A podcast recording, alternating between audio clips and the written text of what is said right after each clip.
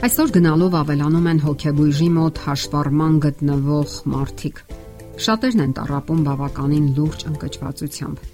Այս մարդիկ տարեկան միլիարդավոր հակադեպրեսանտների եւ հակատագնապային դեղանյութերի հաբեր են կուլ տալիս, հուսահատորեն փորձելով հաղթահարել վրա հասած հիվանդությունը։ Բայց խնդիրը գնալով աճում է։ Ճնշվածությունը, ընկճված տրամադրությունը մարդու համար սովորական հաճախադեպ հույզեր են բայց ընկճվածությունը կարող է նաև մի ամբողջ շարք բժշկական եւ հոգեբանական բնույթի խնդիրների ախտանիշ լինել։ Ինչպես կարելի է օգնել ընկճվածության մեջ գտնվող մարդուն։ Գոյություն ունեն ընկճվածության տարբեր տեսակներ, եւ դրանցից գրեթե բոլորի դեպքում բարենպաստ ազդեցություն է գործում հետեւյալ մոտեցումը։ Բոլոր մարդիկ ընկճվածության մեջ լինեն թե ոչ, իրենց կյանքը կանոնավորելու կարիք ունեն Մարդը կարիք ունի գիտակցելու,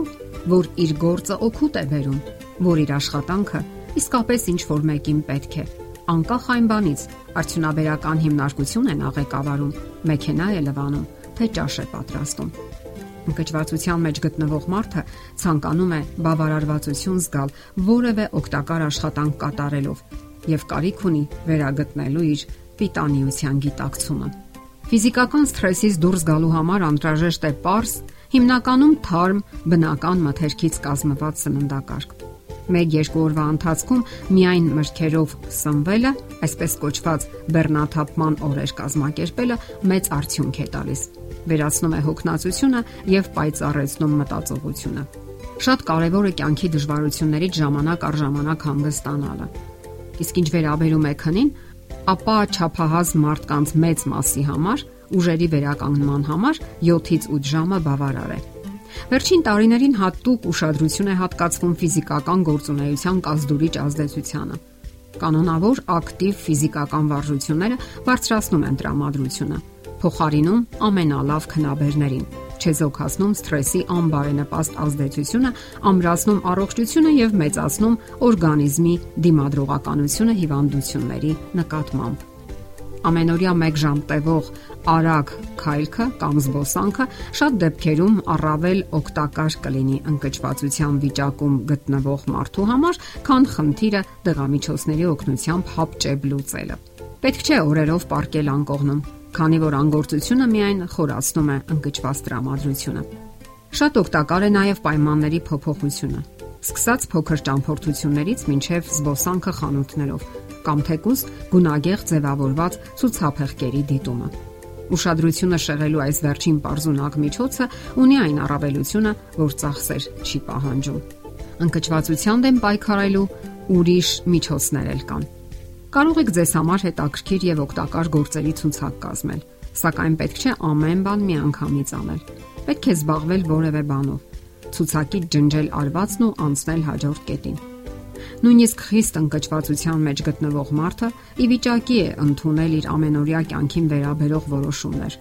Արդյոք ամբողջ օրը պարկի անկողնում, թե առավոտյան վեր կենա եւ հավաքի անկողինը։ Ամբողջ օրը նստի հերոստացույցի առջև, թե փնտրի ավելի երանդուն զբաղմունք։ Մնա գիշերանոցով, թե հակնվի, սանրվի իրեն կարգի բերի։ Նույնիսկ հոգեկան խանգարումներ ունեցող մարդիկ կարող են սովորել, թե ինչպես իրենց պահեն կյանքի տարբեր իրավիճակներում։ Կյանքը պետք է իմաստ եւ արժեք ունենա։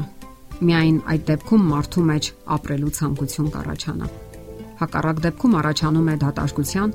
եւ կյանքի անիմաստության քրոնիկ զգացողություն։ Կարող են տեղի ունենալ հուսահատության նոպաներ։ Այդ պատճառով էլ մենք պետք է հասկանանք, թե ինչի համար ենք ապրում հատկապես ինչպես պետք է ապրել եւ ինչով ղեկավարվել։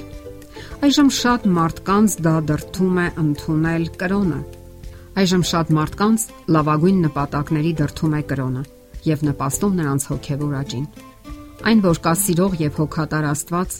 ով ի տարբերություն մարդկանց չի դավաճանում եւ չի թողնում ձեզ, օգնում է ազատվել անհանգստությունից, վախից, մեղքի զգացողությունից, վիրավորանքից, վրթովմունքից մարդը նորից կարողանում է զգալ կյանքի ուրախությունը,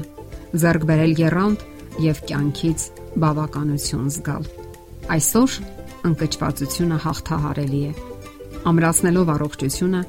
զարգացնելով դրական մտածելակերպ, ճիշտ ընտրելով գործունեության բնագավառը, նպատակներ դնելով եւ հոգեպես զարգանալով մարդկանց մեծ մասը ունակ կլինի հաղթահարել ճնշվածությունը եւ վերադառնալ լիարժեք արդյունավետ կյանքի։ Եթերում առողջ ապրելակերպ հաղորդաշարներ։ Ձեզ հետ է Գեղեցիկ Մարտիրոսյանը։ Հարցերի եւ առաջարկությունների համար զանգահարել 033 87 87 87 հեռախոսահամարով։